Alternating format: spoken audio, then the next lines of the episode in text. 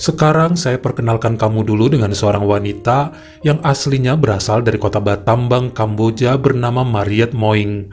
Lahir pada tahun 1961 dan kemudian pindah ke kota Phnom Penh saat berniat untuk berkuliah kala berusia 19 tahun.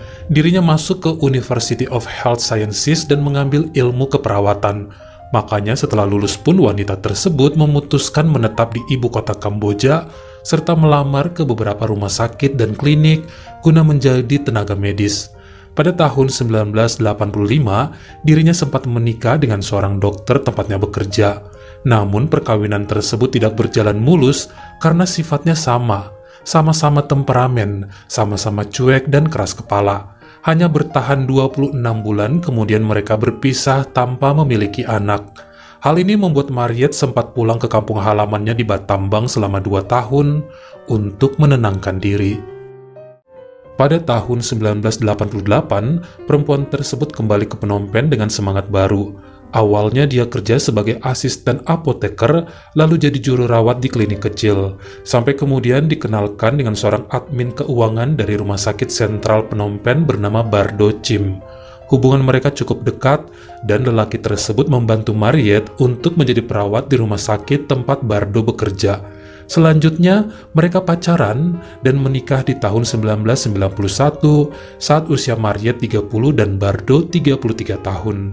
Meski mengetahui bahwa istrinya dulu pernah menikah, namun gak masalah bagi sang suami. Keduanya dikaruniai seorang putra di tahun 1993 dan menjadi anak satu-satunya berharap bisa punya momongan lagi, namun gak pernah terkabulkan. Sayangnya pada tahun 2009 ada sebuah kecelakaan yang harus merenggut nyawa putra mereka. Remaja tersebut tidak sanggup bertahan dan ini membuat Bardo sangat terpukul. Setelahnya ada kerenggangan antara Mariet dan suaminya.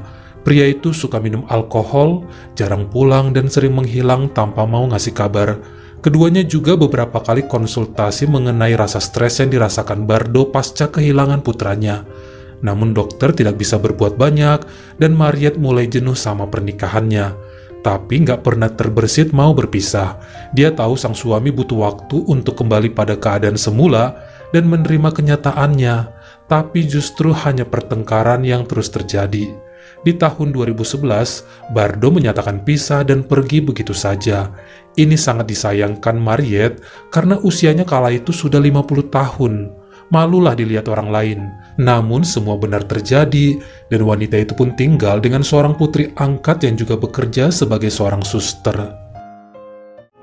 Pada tahun 2016, Mariet pun pensiun di usia 55 dan kebanyakan waktunya dihabiskan dengan bertanam di sekitaran rumah. Setahun kemudian putri angkatnya ngajarin dia untuk main Facebook supaya nggak bosen-bosen amat, sekaligus mencari teman-teman lamanya yang sudah lose kontak. Sampai pada awal Januari 2018, dia berhasil ketemu sama kawan-kawan kampusnya dulu, saling tuker nomor handphone, dan akhirnya janjian kopi darat. Mereka pun melakukan reuni di sebuah restoran yang berada di pusat kota Phnom Penh, dan kala itu yang datang ada tujuh orang.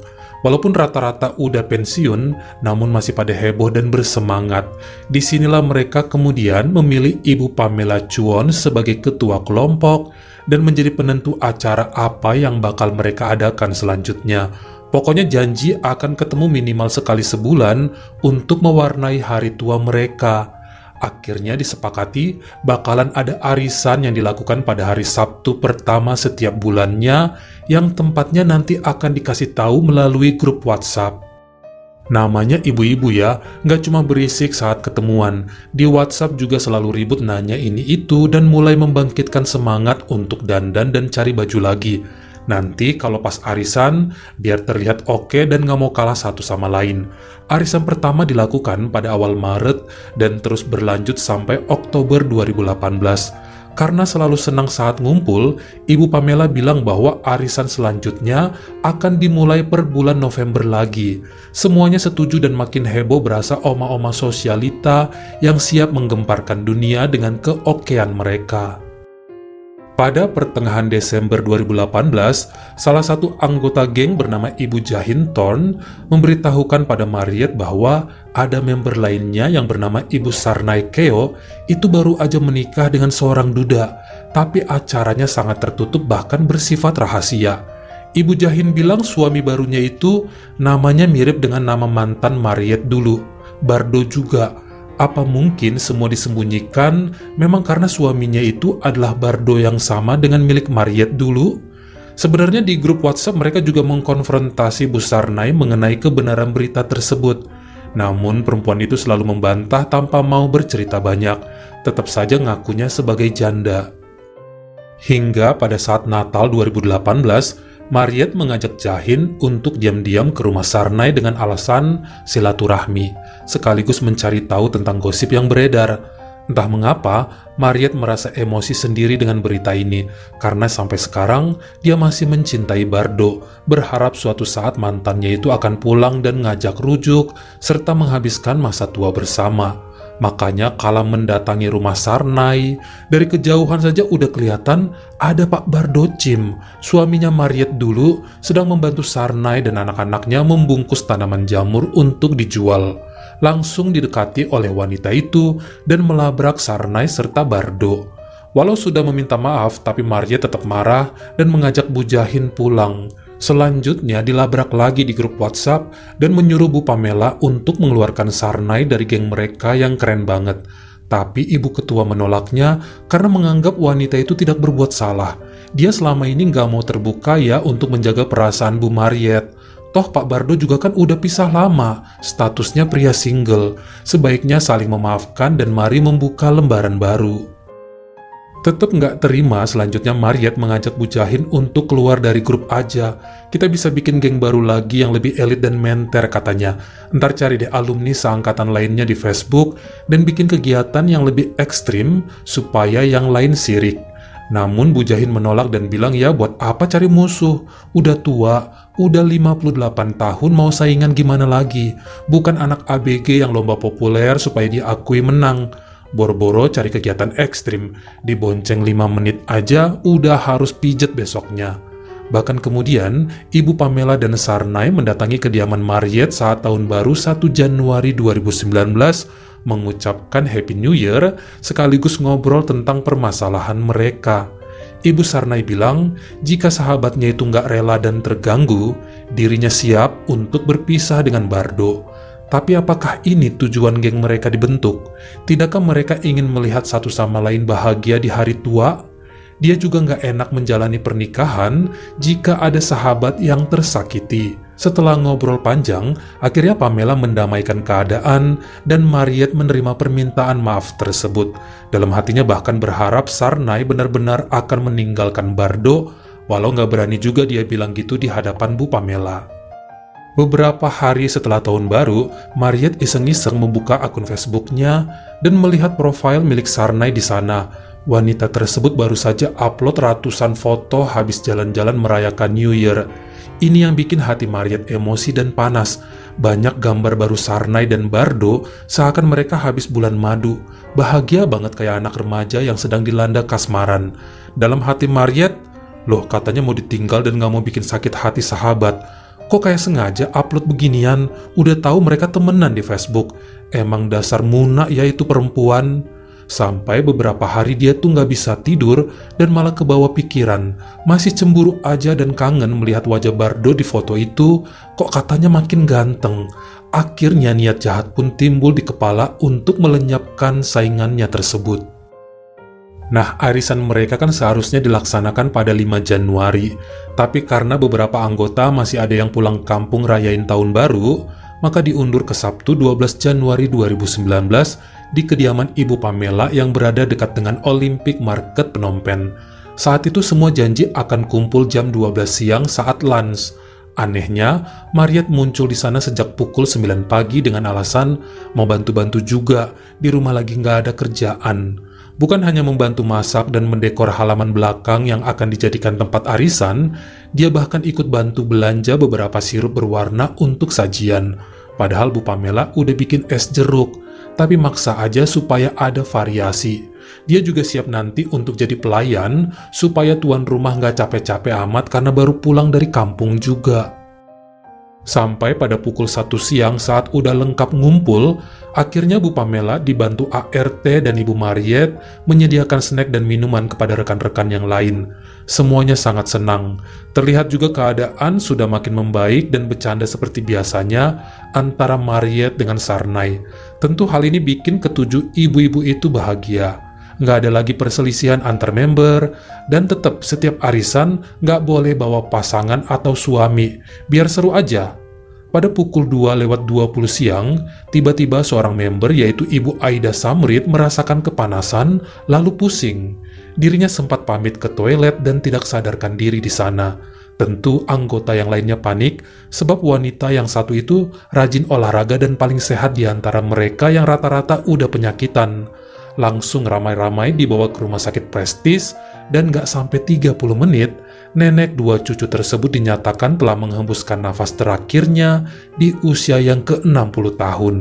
Bahkan yang bikin semua kaget, kata dokter penyebabnya adalah ditemukan cairan berbahaya dalam tubuh Aida. Seseorang telah memberinya sianida. Saat itu, pihak kepolisian menahan enam orang ibu serta seorang ART yang dianggap memiliki kemungkinan menaruh zat tersebut di sirup milik Bu Aida. Sayangnya nggak ada CCTV di dapur maupun halaman belakang rumah Pamela kala itu yang bisa menunjukkan pelakunya. Melalui wawancara pada mereka semua, tidak satu pun yang memiliki dendam atau berniat ingin menghabisi perempuan tersebut. Nggak pernah ada konflik dengan dia. Orangnya juga paling dewasa, ngayom, bijaksana dan rajin membagikan kata-kata penyemangat untuk semua anggota grup. Makanya kejadian ini bikin bingung dan geleng-geleng kepala. Sedikit cerita tentang Ibu Aida Samrit, memiliki dua orang anak yang kini tinggal di Amerika dan suami yang dulunya juga dokter, bernama Keiso Samrit. Salah satu anaknya pernah mengajak mereka buat tinggal di California saja sekaligus biar ada yang nemenin cucu-cucunya. Sempat sih mereka di sana tiga tahunan, namun Pak Keiso merasa komunitas masyarakat di Kamboja lebih cocok dengannya. Maka dia dan istri pun pulang ke tanah airnya dan menghabiskan masa pensiun di rumah aja. Ibu Aida juga pernah ikut membantu masyarakat di kota Banlung dan Samraong yang terkena bencana sering juga memberikan pemeriksaan dan obat gratis pada masyarakat yang kesusahan atas nama kemanusiaan. Makanya bisa gabung di grup WhatsApp dengan teman sesama mahasiswi dulu memberinya semangat baru untuk bernostalgia tentang serunya perkuliahan. Kini ternyata salah satu dari mereka jugalah yang merenggut nyawanya. Dari penyelidikan polisi, akhirnya diketahui bahwa ada bungkusan aneh di tempat sampah dapur Bu Pamela yakni bekas zat berbahaya itu dibawa ke sana. Lalu ditemukanlah sidik jari dan DNA Nyonya Mariet. Ini cukup mengagetkan, namun wanita tersebut membantah dan bilang gak tahu apa-apa. Dirinya memang sempat megang, tapi dia gak tahu itu apaan. Keterangan anggota lainnya yang bilang bahwa gelagat Mariet di hari kejadian juga cukup aneh. Biasanya paling lama datang dan telatnya itu bisa satu jam kalau arisan. Sekarang kok udah muncul sejak pagi. Biasanya bantu angkat gelas atau cuci piring aja males. Tadi kok malah ikut masak dan sediain minum. Bahkan maksa beli sirup segala. Sang ART mengatakan sirup yang tersaji selalu di bawah kendali Bu Mariet sejak dibuat sampai dibagikan pada semua tamu arisan. Inilah yang kemudian diselidiki polisi dan menelusuri perjalanan perempuan tersebut dalam tiga hari belakangan. Dari jejak handphone milik Mariet diketahui, dia mendatangi Rumah Sakit Sentral Phnom Penh dua hari sebelumnya. Setelahnya, dia mengunjungi toko kimia yang gak jauh dari tempat itu. Langsung dikejar informasinya, baru ketahuanlah bahwa memang wanita tersebut membeli sianida dari tempat ini setelah mencuri sebuah dokumen izin pembelian dari Rumah Sakit Sentral. CCTV di kedua tempat tersebut merekam keberadaan Mariet di sana pada 10 Januari 2019 tak dapat mengelak akhirnya dia pun ngaku dan meminta maaf pada keluarga Aida. Dirinya memiliki dendam dan amarah kepada Sarnai yang telah mengambil mantan suaminya, merasa bisa membuatnya puas jika Sarnai lenyap dari muka bumi, supaya Bardo kembali dan menemani masa-masa tuanya. Entah mengapa kok jadi salah sasaran, Padahal kala itu, dia sudah menandai gelas tiap orang dan meletakkan minuman langsung di depan tiap anggota. Yang dia sadar adalah ternyata antara Sarnai dan Aida kemudian saling berpindah kursi karena mereka sempat heboh berkerumun di bawah pohon untuk selfie bareng pakai handphone pemilik rumah, Ibu Pamela. Sarnai juga baru teringat bahwa saat itu memang pindah tempat sehabis foto-foto karena Bu Aida memilih kursi terdekat. Capek katanya keliling meja. Dia juga ingat Bu Aida sempat teriak padanya, Ini minuman kamu ya? Ku minum aja ya? Dan dijawab, iya nggak apa-apa, lagian belum kesentuh juga. Emang minum sirup, nggak takut gula naik? Sempat dijawab Bu Aida, besok jogging biar tetap sehat. Mereka pun tertawa dan seketika wanita tersebut kepanasan, pusing lalu izin ke toilet.